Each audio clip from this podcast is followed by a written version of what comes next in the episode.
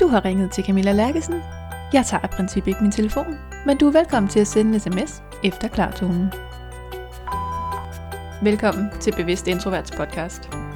Jeg hedder Camilla, og i den her podcastserie har jeg inviteret en række introverte danskere til at dele deres livserfaringer på godt og ondt. Velkommen til.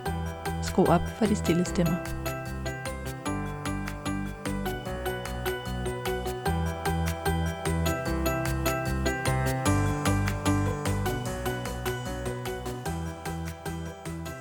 I den her episode skal du møde Sonja Hormann Steffensen, som i mange år troede, at hun faktisk var ekstrovert, og hun designede sit liv og sit arbejdsliv ud fra den tese, at det var hun.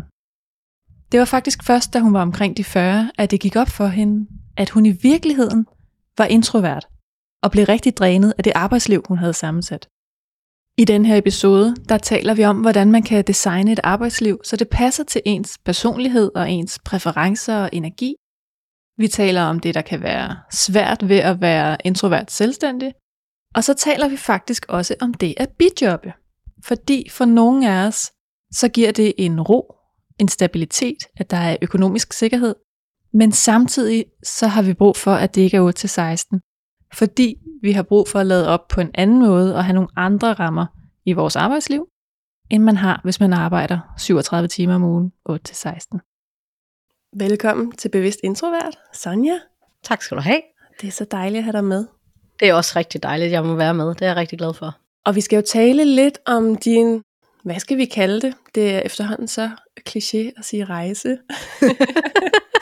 ja, men det føles jo som en rejse. Altså, det har jo virkelig været en udvikling, synes jeg.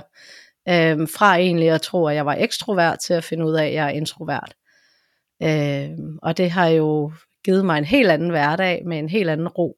Øhm, ja. ja. Så det er føles som en rejse, så det kan du godt bruge. Og det er jo bare, øhm, altså dels så er det et spørgsmål, jeg får rigtig meget, det der med sådan, kan man skifte? Eller kan man være det ene, eller tro man er det ene, og så faktisk være det andet? Og noget andet, folk spørger rigtig meget til, det er også arbejdsliv. Altså ja. der, er, der er mange, der skriver også i nogle af de der introvert fora, jeg er med i på Facebook, der skriver, hvad laver I til daglig, fordi mit job, det dræner mig. Mm. Ja. Altså i forhold til det her med, om man kan skifte. Jeg møder mange, der siger, jamen, jamen du er nok bare skiftet, du er nok bare Øh, du har nok bare udviklet dig. Men når jeg sådan kigger tilbage på, øh, hvordan jeg har reageret, øh, for, fordi udfordringen, synes jeg lidt, er, at når folk møder mig, så tænker de, ej, du er jo mega udadvendt, så må du helt sikkert være ekstrovert. Øh, men for mig, der er ekstrovert og introvert, det handler jo om, hvor får du energien henne. Og jeg kan godt lide at være ude blandt mennesker, hvis jeg har et formål. Mm. Så jeg kan godt lide at være ude og holde workshop, jeg kan godt lide at være ude og være med i, for eksempel har jeg været med i et lokalråd, hvor jeg har været meget aktiv og engageret, og øh, jeg er det med frivillig, og jeg har ikke noget problem med at stille mig op og snakke foran andre, hvis jeg har et formål.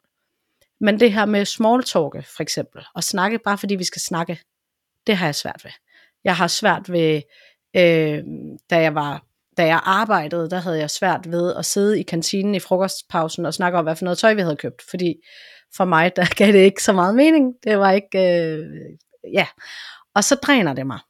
Jeg kan godt få energi af at være sammen med mange mennesker, eller faktisk ikke mange mennesker, men få mennesker, hvis vi har dybe samtaler. Og ellers så, så tanker jeg min energi, når jeg er selv. Og det er det, der for mig gør forskellen. Og det er det, jeg tror, folk de bliver forvirret af, når jeg siger, at jeg er introvert. Så siger de, jamen du kan jo sagtens stå op og snakke i forsamlinger, eller du har jo nemt ved at snakke med folk. Ja, det har jeg, men jeg får ikke min energi derfra. Det var det ene spørgsmål, fordi, eller det var halvdelen af det ene spørgsmål, fordi øh, da jeg var ung, der troede jeg jo også selv, at jeg var ekstrovert. Så jeg opførte mig som ekstrovert, og jeg øh, var ude blandt en masse mennesker, og jeg var med til fester, og jeg kan tydeligt huske det her med fester. Lige pludselig, så fik jeg bare nok, og så skulle jeg bare hjem. Ja. Eller gemme mig et eller andet sted, i et eller andet værelse. Fordi så jeg var fuldstændig overloaded. Øhm, og dengang vidste jeg ikke, hvad der skete. Altså, jeg var slog mig selv sådan lidt oven i hovedet, fordi helt ærligt sådan, jeg kan du ikke bare gå ud og feste, det har jo været hyggeligt nok, og jeg kunne simpelthen ikke sætte fingeren på, hvad det var. Men nu ved jeg jo, at det var jo alle de der input, det var alle de der energier. Nu er jeg også særlig sensitiv, så jeg suger bare det hele ind. Og lige pludselig lå jeg bare tør for energi, og havde, havde alt for meget, altså alt for meget input, jeg skulle bearbejde. Men det var jeg jo ikke klar over. Så jeg har taget ekstroverte jobs. Det kommer vi jo så over i. Jeg har stået i butik, jeg har været hotelreceptionist, øh, jeg har været øh, blæksprutte, øh, siddet ude i receptionen på et kontor, hvor jeg også skulle lave arbejde, man skulle fordybe sig i, samtidig med folk, de kom og spurgte, har du set mine papirer fra printeren, eller er den person lige gået forbi, og telefonen ringer, og mailen bipper, og alt det her. Og jeg har hele tiden tænkt, jeg kan jo godt lide mennesker, så det er jo sådan noget med mennesker, jeg skal lave. Men det jeg så har fundet ud af, det er jo ikke den der overfladiske kontakt, som der er i det meste kundeservice, og de her skift hele tiden, når du står i en reception for eksempel, eller du står i en butik, det, øh, det dræner mig. Øh, og, og det føles faktisk lidt ligesom, hvis du har sådan rigtig mange spændinger i din ryg, og så er der en, der nusser dig, i stedet for at massere. Så man bliver næsten mere spændt, ikke? jeg følte hele tiden, at jeg fik en lille smule af det, jeg gerne ville have, og så tog de det væk, så mit behov blev bare større og større og større for at få den her dybe kontakt, og det skete bare aldrig. Øhm, ja, og så bliver jeg drænet af det. Ja. Ja. Så øh, ja, jeg tænker, det svaret på dit spørgsmål, eller dine to spørgsmål, håber jeg. Og hvad, hvad laver du så i dag? Så kan vi lige tage, hvordan du kom derhen bagefter. Ja, jamen i dag der er jeg intuitiv øh, business mentor og mindset mentor. Og det giver mig egentlig den her øh, fordybelse. Jeg arbejder hjemmefra, så det vil sige, har jeg brug for en pause, så kan jeg tage en pause. Når jeg synes, at jeg har øh, været for meget ude nogle dage i træk, eller øh, hvis jeg har haft et forløb med en kunde, som godt nok har givet mig noget, men måske også har drænet mig, så kan jeg tage en pause. Eller hvis jeg laver en hel masse somi, som jeg også synes dræner mig, fordi man ikke får den der feedback, som man gør, når man har den menneskelige kontakt, ikke? Øh, så kan jeg tage en pause. Og så bidjobber jeg faktisk, og det har været sindssygt svært at finde det rigtige bidjob.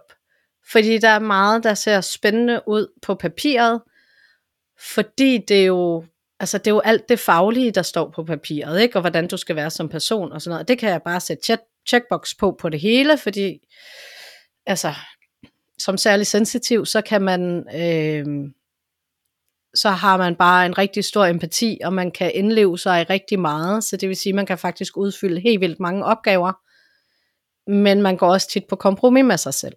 Hmm.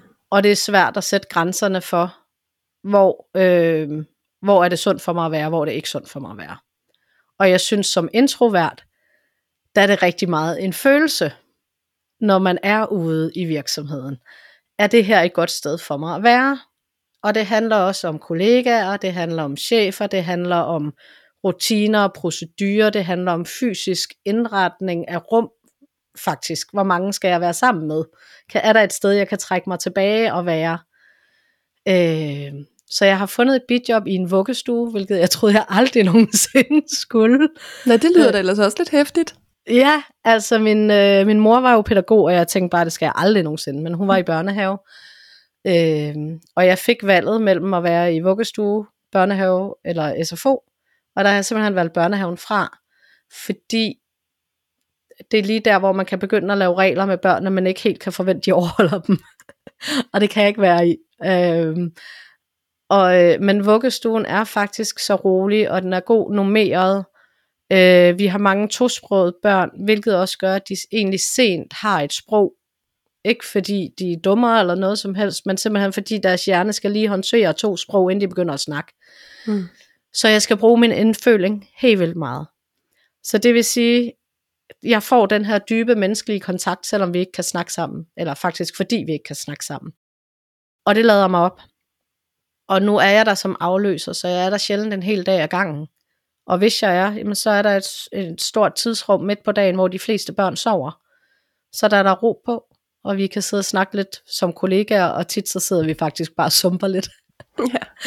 og så er der måske et enkelt barn deroppe, som vi så sidder og hygger med, og der er der igen den der dybe kontakt. Jeg havde aldrig troet, det var der, jeg skulle være, men, men det, øh, det fungerer altså. Ja. Har du børn selv? Ja, jeg har to børn. En på syv lige om lidt, og en, der lige er blevet 12. To piger. Ja. Så ja. Og jeg tænker jo, det der er svært, når man som introvert skal ud og finde sig et job, det er jo, at det, som vi har behov for, det står ikke i stillingsopslaget. Øhm, og man kan faktisk ikke altså man skal virkelig være skarp på sig selv, hvis man, når man er ude og se stedet og rundt og se lokaler og kollegaer og sådan noget, hvis man allerede der kan mærke, om det kommer til at fungere eller ej. Selvfølgelig er der nogle steder, hvor man tænker, det her kommer overhovedet ikke til at fungere. Det kan man godt mærke. Men der kan også være nogle gange, hvor man tænker, ej, det kunne godt være fedt det her. Men når man så kommer ud, så er alle de her fysiske rammer og øh, kollegaerne, og får jeg lov at være i mit personlige space, og lade de være med at afbryde mig hele tiden, og er der tid til refleksion, er der tid til fordybelse. Det er bare, det er så svært, synes jeg, at mærke på en jobsamtale, eller lige en hurtig rundvisning øh, i virksomheden.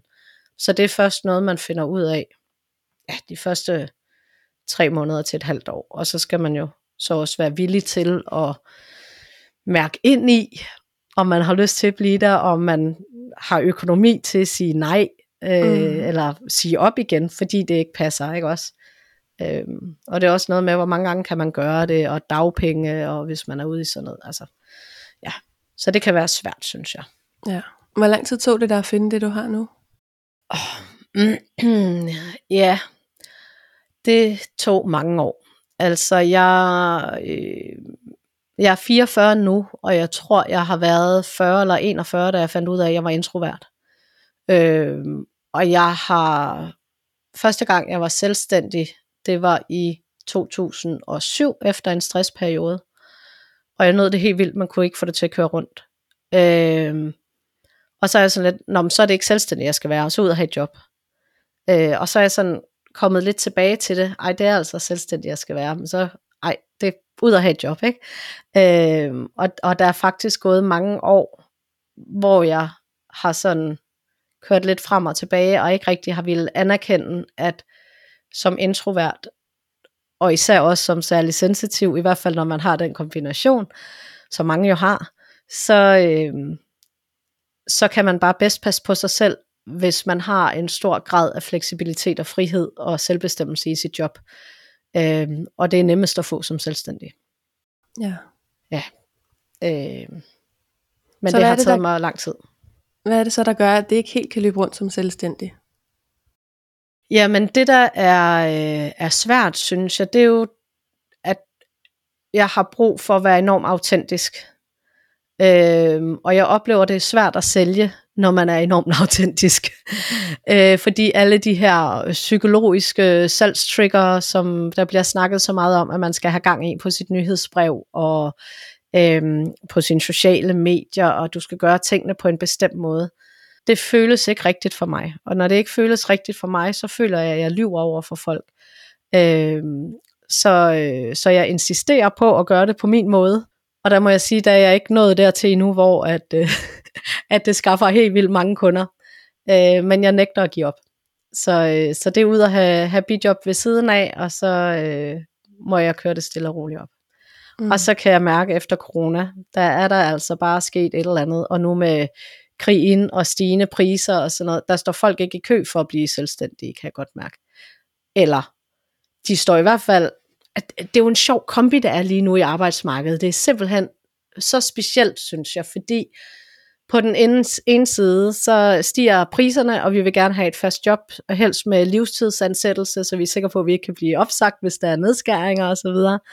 Og på den anden side, så er der jo også The Great Resignation, hvis man kan sige det sådan, eller fik jeg udtalt det rigtigt, det ved jeg ikke, men i hvert fald, øhm, hvor folk de siger op i stor stil, fordi de ikke føler, at det giver mening nok for dem, fordi de ikke kan få privatlivet til at hænge sammen.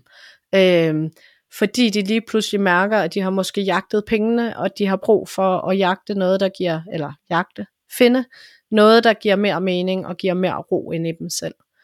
Så der er, altså den er enormt dobbeltsidig i øjeblikket, synes jeg. Mm. Ja. Ja, og grunden til at jeg spørger, det er jo fordi, jeg kan genkende mig selv i det. Altså behovet for at være selvstændig med fleksibilitet og selvbestemmelse, og samtidig den her, øh, altså det er svært at være pushy nok og gå ind på alle de der salgsteknikker og få det til at altså, løbe rundt på den måde. Ja, Og det kan jeg kun sige ja til. Så jeg venter på, at der kommer den der introverte salgscoach, Ja. som, øh, som kan fortælle os, hvordan vi skal gøre. Og så alligevel, så er jeg også noget der til, at det her med at få et bestemt blueprint, som jeg skal følge, øh, det har jeg virkelig svært ved. Men jeg snakkede faktisk i går, havde jeg besøg af, af en øh, yogainstruktør og en, der laver retreats og, og forskellige facilitering af personlig udvikling i min Facebook-gruppe. Øh, og hun siger også det samme for hende, der er det også enormt vigtigt, at hun er fuldstændig ærlig med sig selv, og når hun er på de sociale medier, at hun skriver det, hun har brug for at skrive, når hun har brug for at skrive det, eller har, vil ud med, altså når hun har noget på hjertet. Øhm, og det må man bare sige, det, det passer ikke særlig godt ind i algoritmen. Det giver ikke øh, kæmpe reach. Mm. øhm, og, øh, og vi skal jo ud, og hvis vi kører vores øh, reklame på, på Somi, eller vores øh, kundetiltrækning, som jeg godt kan lide at kalde det, hvis vi kører det på, på Somi, så skal vi jo have noget reach af en eller anden art, for der skal mange i toppen af trakten, af salgstrakten, for at man ender med, med en, der køber. Øh, Og så er min egen målgruppe er også introverte og særlig sensitive, og der oplever jeg, at de er ikke dem, der bare hopper på øh, hvilket som helst tilbud. Altså købsprocessen er lang, vi skal have tillid til den, vi, øh, vi hører, øh, eller snakker med og ser om, øh, før at vi faktisk er klar til at, øh, at lave et samarbejde. Øh, og det, altså, det er lidt pudsigt, at det er sådan, fordi vi jo netop er gode til at danne relationer. Men jeg tror, at den anden side af det er også, at vi måske med meget lidt viden kan komme meget langt. Øh, fordi jeg ved simpelthen ikke, hvad det er, men måske er det, det der, den der indlevelsesevne, vi har. Men jeg oplever i hvert fald selv, at jeg ved at, at lytte til nogle personer, altså jeg behøver ikke at lytte, altså, behøver ikke at lytte hele podcasten, for egentlig at have fået noget, der kan hjælpe mig videre, og så har jeg egentlig nok til min personlige rejse Mm. øh, videre. Så, så på den måde, så er det måske også svært for os at, øh, at, at øh, demonstrere et behov for, at de skal arbejde sammen med os. Og jeg ved ikke, om, om vores målgruppe overhovedet har det behov, Nej. at de skal Nej, arbejde tæt sammen med tricky. en. Nej, så synes jeg nogle gange, det kan være svært, når man skal have så mange mennesker øverst i trakten, også Ja. at have overskud. Altså bevare overskud til dem, der så faktisk kommer hele vejen igennem. Ja. Der synes jeg er virkelig en udfordring, både at have masser af energi og overskud til de kunder, man faktisk har, samtidig med, at man skal ud og fiske nye. Ja, det, øh, det synes jeg, du har fuldstændig ret i. Øh, og for mig, der er det jo det med at fiske nye kunder, eller tiltrække nye kunder, som godt kan dræne mig. Øh, og, og, og så er det jo en balancegang, fordi jeg vil egentlig gerne ud i netværk, fordi det er den der personlige kontakt, som er rigtig god for mig. Øh, samtidig så dræner det mig at komme ud i netværk, fordi der er så mange mennesker tit, ikke? Øh, og, og så er det også, altså, nogle netværk koster også bare rigtig mange penge. Og hvis man ikke først har fået kunderne ind, så har man ikke rigtig mange penge at lægge til at komme i netværk. Så det er sådan øh, spøjs øh, cirkelslutning, og det kan være svært øh, at bevare øh, balancen og energien og overskuddet, som du siger. Og hvis man så har brugt rigtig lang tid på at tiltrække nye kunder, så øh, skal man huske at sætte noget tid af, inden man får, øh, får kunderne ind, ikke også? Så man Mm kan gøre det, vi jo gør så godt, når vi er introverte. Øhm, og det er jo netop at lytte og kunne pinpointe vores kunders behov. Øhm, Ja. Nu så jeg lige, at du havde fået nye visitkort og skulle ud i BNI-netværk. ja, Hvordan er det for... Vi kan lige starte med, at du fortæller, hvad et BNI-netværk er. ja, Fordi jeg har hørt om det med gru. ja. Og jeg var også lidt, da jeg sagde ja til det, så tænkte jeg, ah Sonja, virkelig? Øh, men det var en tidligere kollega, og øh, sjovt nok også tidligere kunde, øh, som sagde, om, om jeg ikke ville med, fordi BNI-netværket er et netværk, hvor de mødes en gang om ugen. I Kolding der er det hver fredag, det er det her, jeg holder til.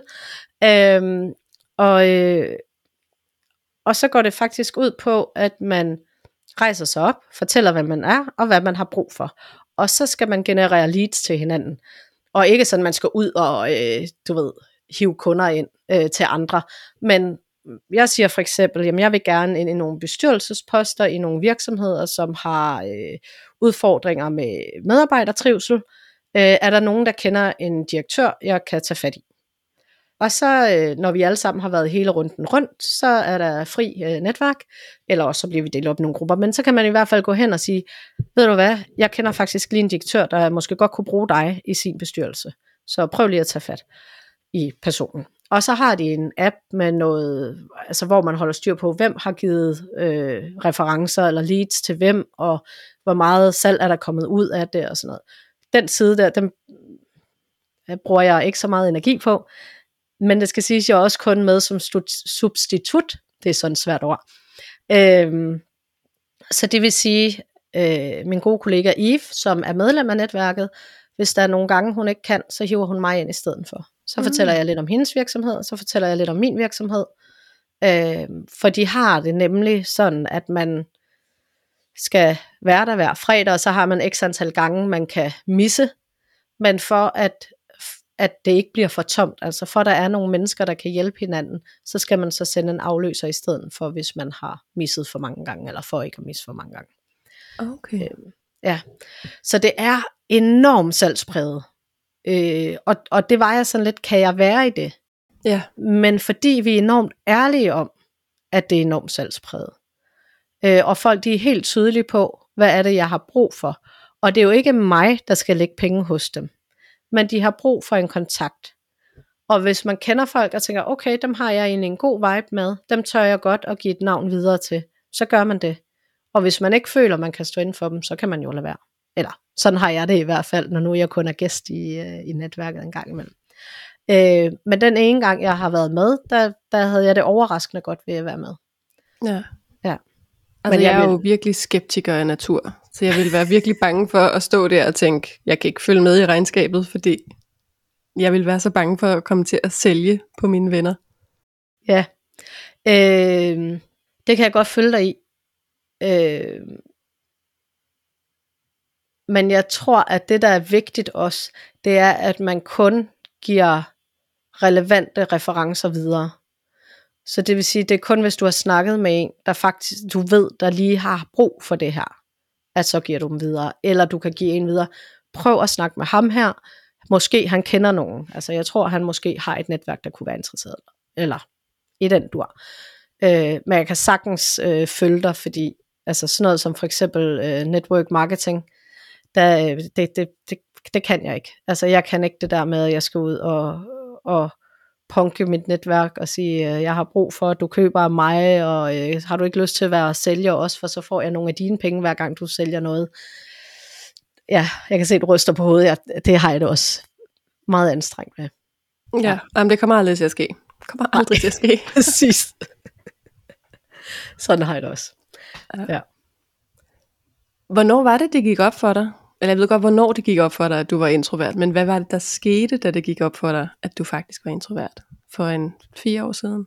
Ja, jamen jeg tog en test, og jeg har egentlig taget test før, altså de her gratis test, man kan finde alle mulige spændende steder, øh, og jeg er altid bonget ud som ekstrovert. Øh, men så tog jeg ind, og så bongede jeg ud som introvert, og så tænkte jeg, hov, Øh, men det, der er sket, det er egentlig, at jeg i mellemtiden har været nede med stress, og så har jeg været knap så meget nede med stress en anden gang, og, øh, og så måske begyndt at mærke lidt stresssymptomer igen. Og, og for mig, hver gang, at jeg er nede med stress, og det oplever jeg også med mange andre, hvis man er øh, klar til det, og, og modig øh, nok til det, det er, at vi går ind og kigger, hvorfor gik jeg ned med stress? Hvad er det egentlig? Øh, hvad er det egentlig, der skete her? Øh, og ofte, som jeg ser det, så er det fordi, vi er gået på kompromis med os selv. Vi har overhørt nogle signaler for os selv. Vi har givet os ud for at være nogen, vi ikke er. Øh, ikke bevidst, men vi har bare passet ned i en eller anden kasse, der nu har været behov for, at vi skulle passe ned i. Og lige pludselig, så, så bliver vi simpelthen nødt til at springe den her kasse. Øh, og, og det er lidt det for mig, at stressen er. Det er en kæmpe wake-up call, at altså, du er simpelthen for rundt til at være i den her kasse. Og så springer kassen, ikke?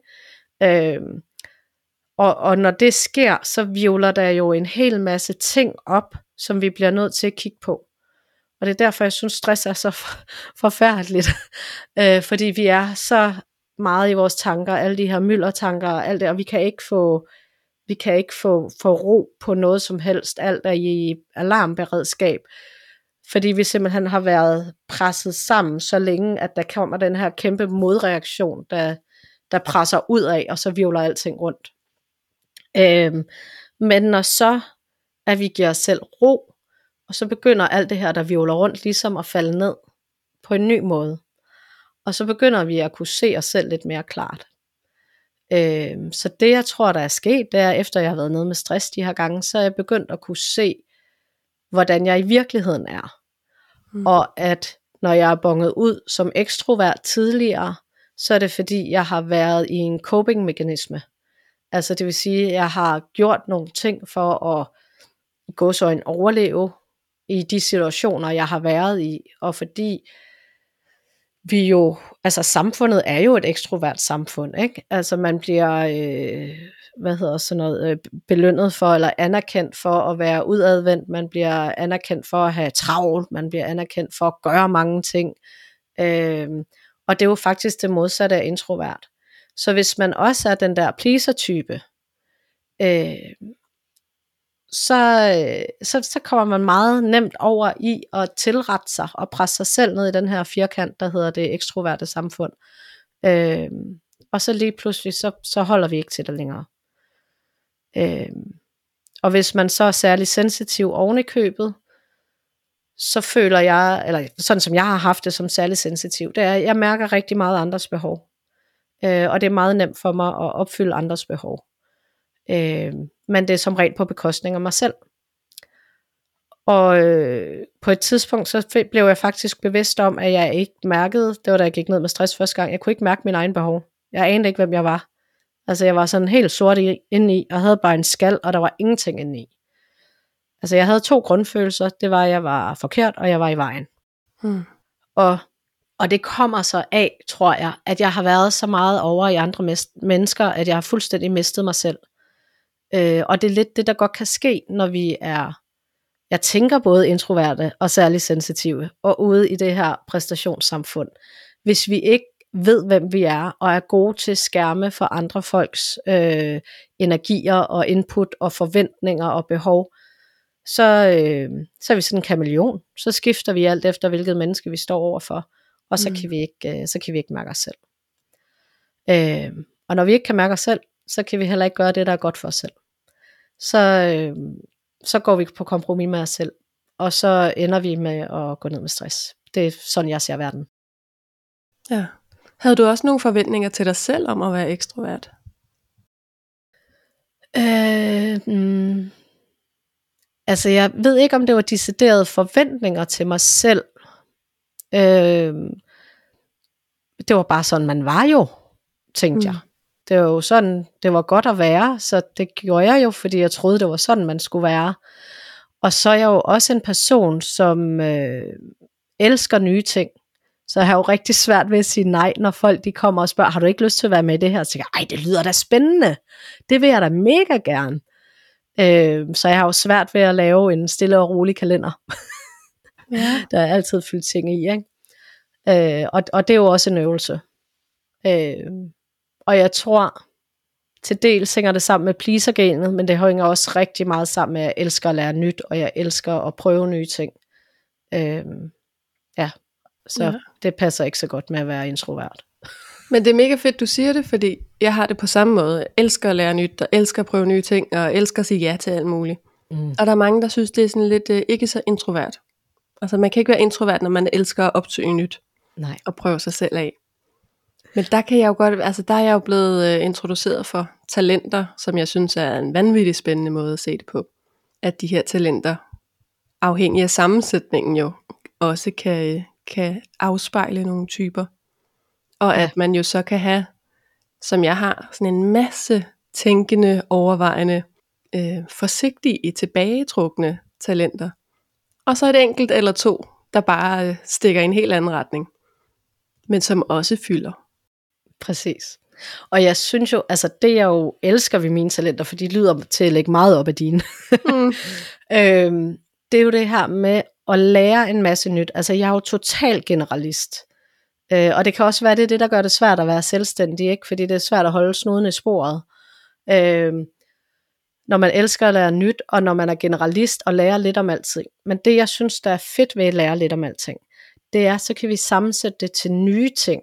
Mm. Så vi tager lidt heroverfra, vi tager lidt deroverfra, tager lidt herfra, og så sammensætter vi det til noget nyt, og så kan vi give det videre til nogen, som kan bruge det og implementere det, og, og få det til at vokse. Øh, og det var også det, jeg gerne vil ud. Øh, nu sagde jeg det her med bestyrelsesmedlem ude ved BNI, der at, at det kunne være et eksempel på, hvad man søgte hjælp til, og det er faktisk noget af det, jeg søger hjælp til. Jeg vil rigtig gerne ud og sidde i bestyrelser, fordi jeg vil gerne give dem nye metoder til at tænke tiltrækning af medarbejdere. Jeg vil gerne give dem nye øh, metoder til at øh, fastholde verdens grimmeste ord, men fastholde medarbejdere, sådan så der faktisk også bliver plads til introverte, og til særligt sensitive, og til folk med handicap, og til ældre, og til yngre, og til alt muligt, øh, til deltid, og til flekstid, og til, ja, fordi jeg synes, vi er enormt øh, snæversynet på arbejdsmarkedet, når vi laver kontrakter og vilkår, ikke? Øh, og vi går igennem forskellige faser i livet, og jeg tror virkelig, at hvis vi som mennesker skal kunne skabe nogle børn, der hviler i sig selv, så skal der være tid til børnene, når de er små. Det er også ja. en af grundene til, at jeg er blevet selvstændig. Det bliver arbejdsgiverne simpelthen nødt til at være med på, fordi ellers så får de også nogle crappy medarbejdere senere, fordi vi alle sammen går ned med stress, fordi vi aldrig har lært at mærke os selv, og fordi det bare har været præstation, præstation, præstation. Øhm, og det starter ved, at forældrene har tid og ro til at kunne skalere ned på arbejdet i en fase, selvom man er nyuddannet. For det bliver man nødt til, for det er typisk der, man har børn. Ikke? Ja. Øh, og så kan der være, at ægtefælden bliver alvorligt syg, eller forældrene bliver alvorligt syg, eller at man har behov for at prøve noget andet en periode, at vi har behov for at rejse ud og få noget inspiration, vi kan tage med, med hjem til virksomheden. Øhm, og, og jeg synes, vi er så fastlåse, og jeg vil ønske, at vi kunne blive meget mere øh, individuelle, altså basere arbejdsvilkårene på individuelle behov på forskellige faser i livet. Øh, ja, og øh, arbejdsvilkårene også, altså hvornår skal jeg møde ind, jamen er du A eller B menneske, vi finder ud af det, skal du arbejde hjemmefra, skal du ikke arbejde hjemmefra, har du brug for kollegaer, har du ikke brug for kollegaer. Ja. Øh, fordi jeg tror, vi kan få en meget mere sund arbejdsstyrke, jeg tror, vi kan få en meget mere innovativ arbejdsstyrke, øh, og jeg tror, vi kunne få meget mindre stress altså som i meget mindre stress, øh, hvis lederne ville kunne rumme, at vi behøver ikke gøre det på en bestemt måde. Ja, det blev en lang snak. Det er det, jeg gerne vil ud og hjælpe med i, øh, i bestyrelser, fordi vi, der er en kæmpe øh, ressource, altså der er så mange mennesker, som PT ikke kan holde ud og være på arbejdsmarkedet, og så bliver soloselvstændige eller selvstændige. Men som måske faktisk ikke helt fungerer i det, fordi det der salg bare er rigtig svært. Ja. Men der er bare ikke rigtig noget valg, fordi at et fast job øh, betyder, at vi går ned med stress. Øhm, ja. Jo, og hvis alting skal være all or nothing, altså hvis du enten skal være 37 timers pædagog mm. i en børnehave, eller solo selvstændig, så ja. kan jeg da godt forstå, at vi mangler pædagoger i børnehaverne. Jamen præcis. Øhm, og, og altså lige nu, der har jeg det sådan, at øh, jeg siger aldrig, jeg ved godt, man aldrig skal sige aldrig, men jeg skal aldrig have et 8-16 fast job mere, hvor jeg skal møde ind fra 8-4. Øhm, og jeg, jeg kan det ikke. Nej. Men selvfølgelig, hvis rammerne lige pludselig bliver anderledes, jeg skal nok stadigvæk ikke vide ind til 8-4 hver dag, men kan jeg arbejde hjemmefra? Kan jeg øh, selv bestemme, hvornår jeg ligger min arbejdstid? øh, har jeg nogenlunde selvbestemmelse over, hvordan jeg vil udføre mine opgaver, så længe vi får et resultat, øh, som er acceptabelt og som passer ind i, i resten af virksomheden, jamen, så kan det godt være, at jeg skal være ansat igen. Ja. Øh, men, men indtil det sker, så tror jeg, at vi er rigtig, rigtig mange, der ikke trives på arbejdsmarkedet. Og det er jo synd at, øh, at gå glip af al den viden og alt det øh, fantastiske kvalitet, der ligger i, i den del også, bare fordi vi har valgt, at vores samfund primært skal være ekstrovert, og det primært er det ekstroverte, vi hylder. Ja, men lige præcis. Jo, fordi vi bare har indrettet et arbejdsliv og et arbejdsmarked, hvor det hed 8-16, eller i åbningstiden, eller i fabrikkernes åbningstid, eller hvad, end, hvad det nu startede med. Ja, præcis. Og altså det der med fabrikkerne, det er selvfølgelig svært. Øh, men der er jeg faktisk i, øh, i snak med en fabrik om at, at finde ud af en anden måde at gøre det på. Så det er lidt spændt på, hvad det kan blive til. Nå, fedt. Ja, fordi det er klart, når man står ved et samlebånd, så skal der jo være nogle mennesker i et fast tidsrum. Ja. Øh, ja, men det er vi ved at prøve at se, om vi kan udvikle en løsning på. Til gengæld skal de typisk lave det samme, så om det er den ene eller den anden, der står der, er vel i Præcis. princippet lige meget. Det er det nemlig. Det burde jo give noget meget stor fleksibilitet. Yes, og det er nemlig det, vi skal, skal ind og arbejde med, hvordan vi kan, kan sætte det op. Så det glæder jeg mig rigtig meget til. Ja. ja. Og så var du ude og tale på en ridelejr her ja. i sommer. Ja. Og jeg kunne så godt tænke mig, både lige at høre historien, fordi det var sådan lidt uh, i sidste øjeblik. Det var totalt i sidste øjeblik, ja. Men også hvad du sagde til dem. Ja. Jamen, øhm, historien er jo den, at jeg kom hjem fra, øh, fra vuggestue, så vidt jeg husker, jeg tænkte, nu skal jeg bare hjem og slappe af, fordi jeg var lidt træt. Havde sikkert sovet dårligt om natten eller et eller andet. Øhm, og så ringer min, øh, en mor, som, øh, altså en mor til min øh, ældste datters øh, klassekammerat. De bor lidt længere ned ad vejen. Og så ringer hun, og så tænker jeg, det var et lidt mærkeligt tidspunkt, fordi du ved, børnene er kommet hjem fra skole og sådan noget, og ja, men jeg tog den.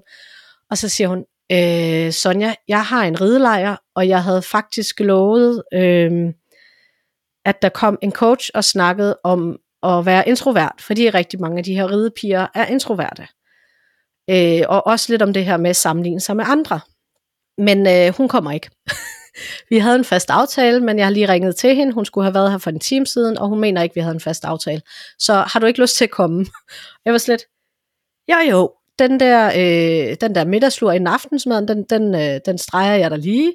Og så, altså heldigvis på en ridleje, der behøver man ikke så godt ud, vel? Så man kunne bare lige hoppe i den nærmeste tøj, og så vandre de der fem minutter ned ad øh, vejen. Vi bor jo på landet, så der er fem minutter til den nærmeste nabo. Øh, og så stod jeg derinde i stallen og holdt et oplæg. Eller en snak virkelig, egentlig, i virkeligheden. Det var jo... Jeg har svært ved at holde et foredrag, uden at inddrage mine, øh, mine lyttere, for jeg vil så gerne høre, hvordan de oplever tingene, fordi så kan jeg også meget bedre mærke, om de får noget ud af det, om jeg er på rette spor, og om de, øh, om jeg siger det, de egentlig har brug for. Øh, ikke fordi jeg taler dem efter munden, men så kan jeg lidt mærke med, hvad er det egentlig for nogle issues, de kæmper med, og hvordan kan jeg så øh, byde ind med min viden på det område. Hmm. Så det vi snakkede rigtig meget om, det var selvfølgelig det her med at sammenligne sig selv. At når vi kigger på andre, så ser vi det ydre. Vi ser øh, glansbilledet på Instagram, øh, men vi ser ikke tankerne, vi ser ikke følelserne, vi ser ikke kampene. Så hvis vi nu hvis vi bliver i rideskoleverdenen, hvis, hvis vi nu er til stævne, og vi ser, åh, hende der, hun har bare fuldstændig styr på det hele, og hun rider bare mega godt, og sådan noget. Vi ved ikke, om hun har været ude og kaste op af nervøsitet lige inden, vel? Øh, vi ved ikke, hvor mange år hun har kæmpet for at nå derhen. Øh, det kan være, at hun faldt af til sidste træning, og faktisk var, var mega bange for at komme op på hesten igen, men bare lige har taget en maske på. Så vi ved faktisk ikke, hvordan folk ved siden af os har det. Øh, og jeg tænker, vi kan jo overføre det til alle dele af livet. Øh, der er rigtig mange, der kommer og siger til mig, ej Sonja, du er bare sådan en total øh, overskudsmenneske, fordi du kan klare alt det her. Ja, men jeg er også hjemme og sover middagslur rigtig tit, fordi jeg ikke har et 8-16 job, ikke? Øh, og, og skal jeg være helt ærlig, så er jeg heller ikke øh, så, så glemmer jeg nogle gange, at mit firma også er vigtigt, fordi det er så nemt at lave noget af det her frivillige arbejde, fordi der er lige en bestemt opgave, der skal fikses, og så kommer jeg til det. Mm. Øh, så, og folk de siger også, Sonja, du er så meget på de sociale medier, du må da have vildt godt gang i forretningen, ikke? Øh, mm, nej, ikke så meget, som jeg gerne vil have. Øh, og ikke så meget, som jeg synes, at den indsats, jeg lægger for dagen, øh, egentlig burde give. Øh, og det tror jeg, vi glemmer. Altså jeg ved, jeg selv falder i den der fælde der, og så scroller jeg forbi på LinkedIn og på Facebook og på Instagram og tænker, hold nu op mand, den der business coach har jo helt vildt gang i business, altså. Hold nu op, hvor det bare kører der ud af for hende. Og så tænker jeg, at ah, måske jeg skulle gøre det på samme måde. Jamen, det er også fordi, jeg ikke gør nok.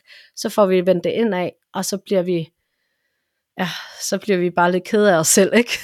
Jo øhm, og det brugte jeg egentlig meget tid på at snakke med ridepigerne om også. At, at øhm, vi kan ikke sammenligne alt det, vi ved om hele os selv, med det overfladebillede og det øjebliksbillede, vi ser af andre.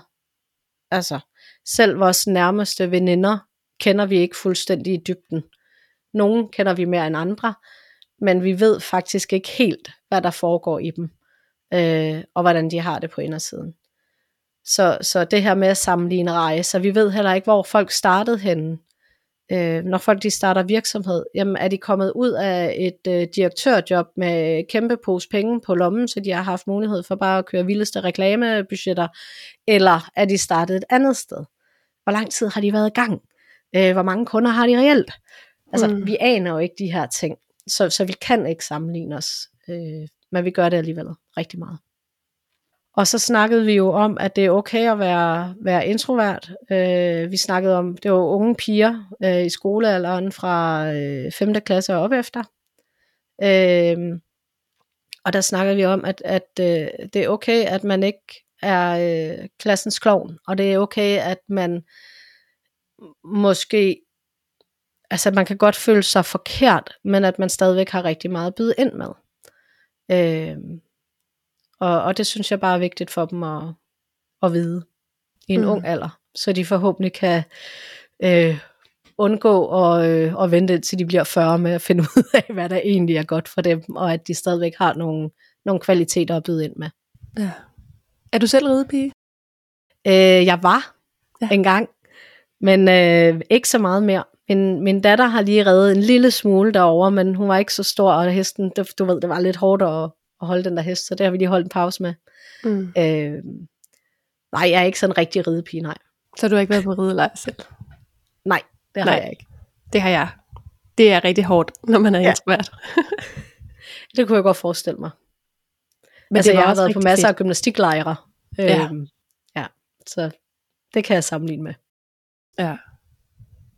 Men jeg kan huske, det var virkelig fedt også. Jeg havde sådan, når man læste Wendy-bladet, de der heste tegneserier, yes. så var der nogle gange sådan nogle plakater med. Kæmpe store plakater. De fyldte det meste af bagsiden af min dør. Og så var der en stor, flot hest i midten. Og så var der en masse små øh, infobokse hele vejen rundt som en ramme om forskellige ridelejre i hele landet. Og den hang der på bagsiden af min dør, og jeg gennemgik dem en for en om aftenen og sad og var sådan, den der lyder spændende, og ej, den der er lidt dyr i forhold til de andre, og den der er meget langt væk, men den der, der er noget af det der ridning, og det kunne være fedt. Så, så jeg blev mere og mere lun på tanken. Men jeg kan også huske det første år, der tog jeg afsted helt alene. Altså, jeg kendte ikke nogen af de andre. Mange af de andre kom i par af to, og jeg var mm. den eneste ridepige i klassen, der skulle afsted. Og jeg kom i hytte med nogen, som var, jeg tror, de var nogle år yngre end mig. Jeg følte i hvert fald ikke sådan lige, der var skide god kemi der. Og så havde jeg mødt to andre piger, som var rigtig, rigtig søde. Og heldigvis noget mere ekstrovert, end jeg var. Så de sagde, ej, ved du hvad, du skal bare bo hos os. Men der er jo, I bor jo fire mennesker i jeres hytte. Og der er jo kun to køjesenge pyt med det, og så gik de ellers op til øh, hende, der stod for det hele, og sagde, vi vil gerne have lov at flytte Camilla ned i vores hytte. Og så sagde hun, jamen hvis Camilla er okay med at bo på en madras på gulvet, når I sover, så er det så fint. Og så flyttede vi en madras ind på værelset, og så sov jeg på gulvet mellem de to køjesenge om natten. Det var Ej, hvor dejligt. Fedt. Ja. Det er godt, når man og det var så lækkert, når man, man møder nogen, som lige kan tage en lidt i hånden. Ja. Øhm, og hjælpe en lidt, lidt videre, ikke? Jo, øh, vi var jo øh. jævnaldrende, men øh, de var bare de havde lige noget kapacitet, jeg ikke havde. Præcis. Men det er svært, synes jeg, det her med at være altså afsted på lejr, fordi så sover man jo, altså for eksempel gymnastik, øh, på gymnastiklejr, der sover du tit i gymnastiksalen, ikke? Øh, mm. på din luftmadras og sådan noget, så der sover man jo så nærmest alle de mennesker, der er, er, afsted sammen, og vi er sammen hele dagen, og vi spiser morgenmad sammen, og vi klæder om sammen, og vi er i bad sammen, og vi er alt muligt sammen. Ikke? Øhm, der kan det godt være svært at, at lige trække stikket. Øhm, men man kan sige, da jeg var barn, der var jeg ikke så bevidst om det. Mm. så, så der troede jeg jo bare, det var sådan, det var, og så har jeg sikkert været mega træt, når jeg så kom hjem øh, yeah. om søndagen der. Ikke? Heldigvis så sov de fleste på vej hjem i bussen, så der kunne man da lige være lidt sig selv. Ja, og jeg tror heller ikke, jeg tænkte over det der med at trække stikket. Mm. Jeg tænkte helt klart over, at det var hårdt. Ja. Ja.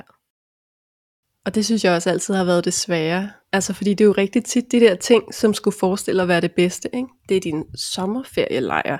Det er nu, du bare skal have the time of your life. Og så går man bare og tænker, ej, hvornår kan jeg tage hjem? Ja. Altså vi oplever faktisk vores ældste datter der, der nu er 12. Øhm, I sommerferien, der, øh, altså på grund af corona og sådan noget, så har det jo været lidt svært at lave helt vildt meget. Så der har vi haft nogle bedster, nogle reservebedster, noget hun har været på ferie ved.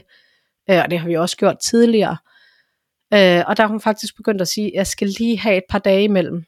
Mm. Altså jeg har virkelig brug for kun lige et par dage der, og et, så et par dage hjemme, og så et par dage der. Ikke for meget lige træk, og ikke for mange skift. Og jeg var slet, wow, fedt, at du i en alder af 12 år kan mærke det, ikke? Ja. Altså, det er da genialt. Øh, så det er vi faktisk begyndt også at prøve i, til vores yngste, at være meget opmærksom på, at der skal ikke være 27 legeaftaler lige træk. Øh, og vi skal ikke nu har hun fødselsdag her snart, og først så tænkte vi, ah, det der med at få alt fødselsdag overstået på en weekend, det er jo super. Så vi tænkte øh, familiefødselsdag lørdag, klassefødselsdag søndag, og så havde hun fødselsdag øh, mandag. Ikke? Og så kom vi til at tænke på, altså en ting er, at vi måske kan klare det, men vi ved også, at hun er også særlig sensitiv, og hun trænger også til nogle gange lige at trække sig, så måske det ikke er så smart. Og hun vil være hovedpersonen. Præcis, og, og hun har bare en alder, at hvis hun bliver træt, så bliver hun ked af det. Altså, ja. øh, det gør jeg jo også stadigvæk. Hvis jeg bliver træt, så bliver jeg også ked af det, så sætter min mand mig i seng. Nu har jeg lært selv at, at gå op og lægge mig, når jeg trækker til det. Så laver jeg lige en mode. Men ja, så, så heldigvis, så kom vi lige til at tænke os om, og så har vi rykket den ene fødselsdag til en anden weekend. Ja. Øh, fordi det, det er jo også noget af det, man skal være bevidst om, at man ikke får planlagt sin kalender for tæt. Ja, lige præcis. Og så kan det godt være, at man kan klare det, men er det fedt at klare det på den måde? Ja, altså jeg kan jo tydeligt se, at hvis jeg har to-tre hårde, lange dage med aftenarbejde i træk, så ved jeg, at jeg ligger på fjerde dagen. Ikke? Så mm. skal jeg ikke forvente, at jeg kan noget særligt der. Øh, det har jeg jo så heldigvis lært nu. og nogle gange, så kalkulerer jeg med det, og så siger jeg, så skal jeg ikke noget den dag. Og andre gange tænker jeg, okay, så skal jeg ikke øh, lægge noget så mange aftener i træk for eksempel. Og det vender jo så lidt tilbage til det her med markedsføring. Fordi det er jo super moderne i øjeblikket og meget op i tiden at lave de her øh, bootcamps og øh, challenges, og jeg ved ikke, hvad vi kalder det. Åh, oh, jeg får gåsehud af de ord. Det er sådan noget power militær noget, ikke? Jeg kan slet ikke mm. have det. Nå, men hvor man så laver man øh, Facebook Live øh, hver aften, syv dage i træk, eller fem dage i træk, og jeg, og jeg er så træt bare ved at tænke på det, at jeg kan slet ikke overskue det. Øhm, så det gør jeg altså ikke hos mig. Nej. Fordi det, det kommer ikke til at ske, og jeg øh, tror, at min målgruppe heller ikke ville synes, det var fedt. Så jeg spreder det noget mere ud. Men det giver bare ikke den samme gennemslagskraft, når man så skal markedsføre det. Mm. Øh, som hvis man kan sige, her er ugens program, og så den ene dag kan man poste noget om det ene, og den anden dag kan man poste noget om det andet. Fordi det er jo klart, hvis vi ser det fem dage i træk, jamen så bliver det ligesom printet bedre ind i vores hukommelse, end hvis vi ser det en dag, og så går der en uge eller to, og så ser vi måske et opslag mere, og det kommer også an på algoritmen. Men hvis du har set det den ene dag, og der kommer et lignende opslag den anden dag, jamen så er der større sandsynlighed for, at du også ser det. Ikke? Så det er lidt udfordrende. Hvis vi skal til at runde af, hvad er så vigtigt at runde af på? Hvad er det vigtigt, at folk tager med her fra din historie? Jeg synes, det er helt vildt vigtigt at, øh, at give sig selv tid og plads til at dykke ned i det, man føler. Så man, man får den der lille bitte stemme af, at øh, det her arbejde, det er ikke for mig. eller jeg har ikke lyst til at være med til den her fest, eller man sidder til festen, og jeg har virkelig brug for at gå på toilettet, ikke fordi jeg skal tisse, men jeg har bare brug for at komme væk, så øh, lad være med at affærdige den, men dyk lige ned i den og sige, det er okay, jeg trækker mig lige.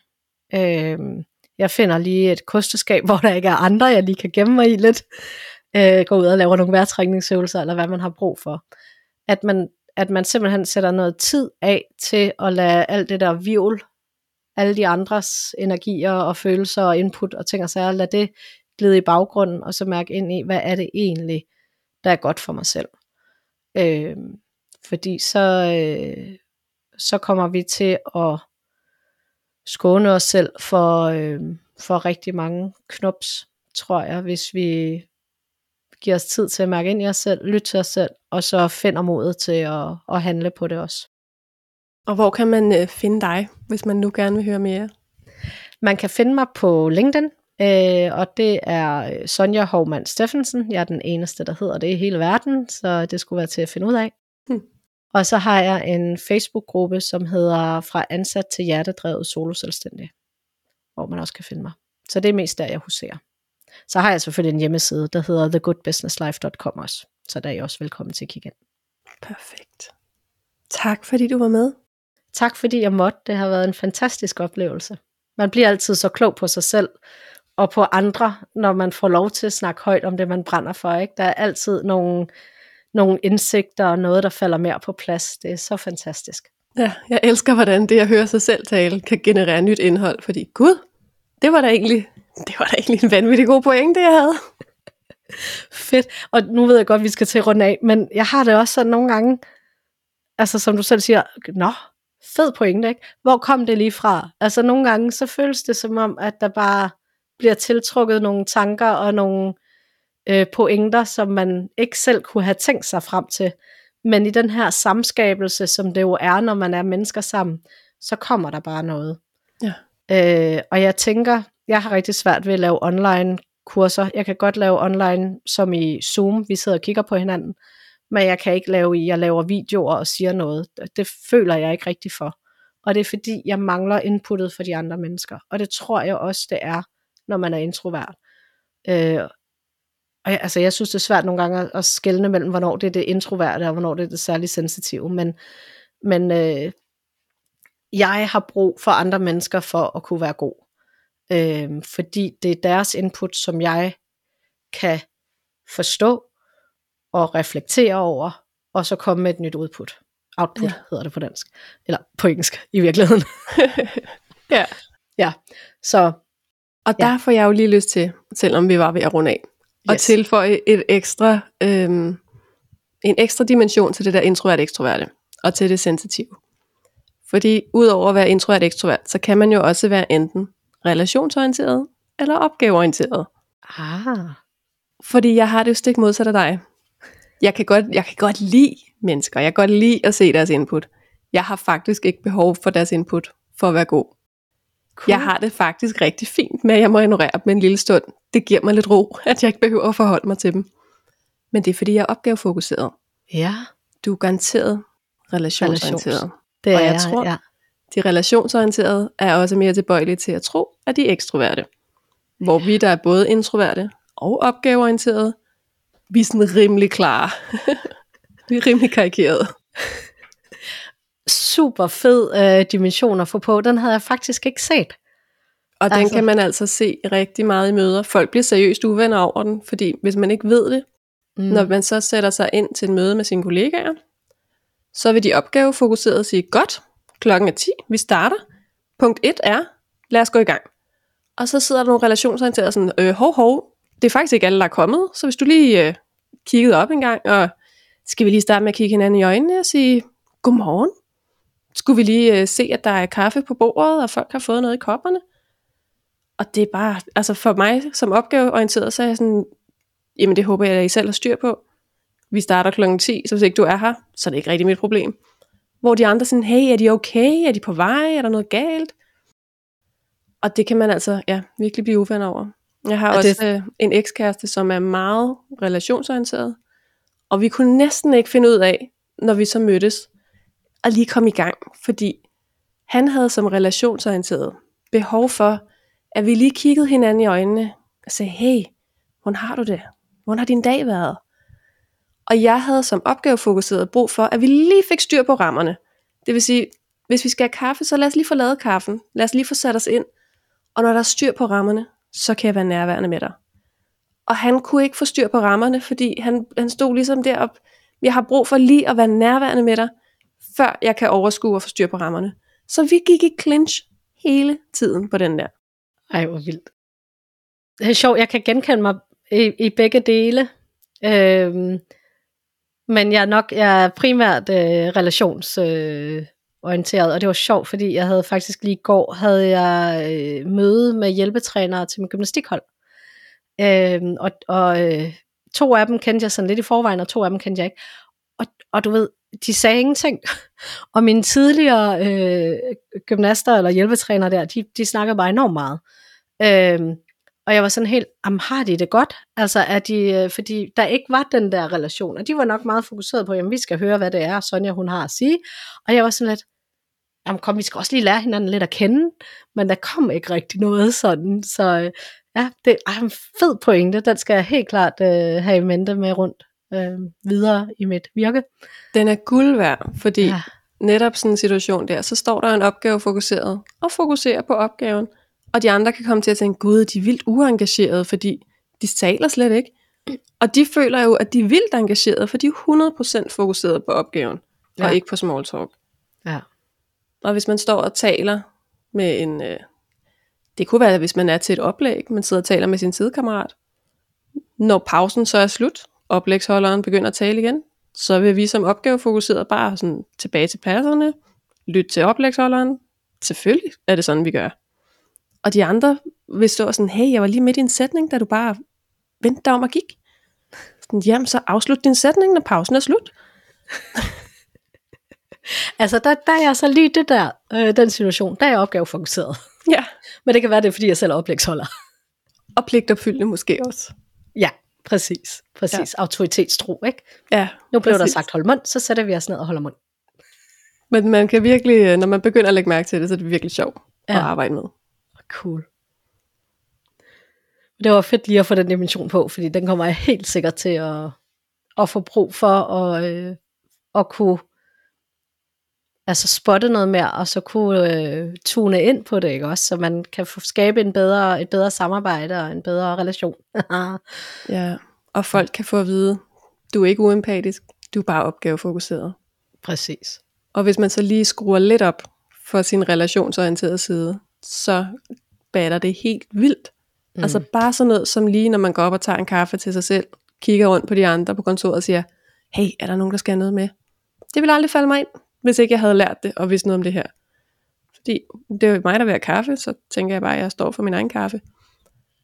Og det gav så meget på relationskontoen, da jeg lige huskede at sige, hov, hey, nogen der vil have noget med?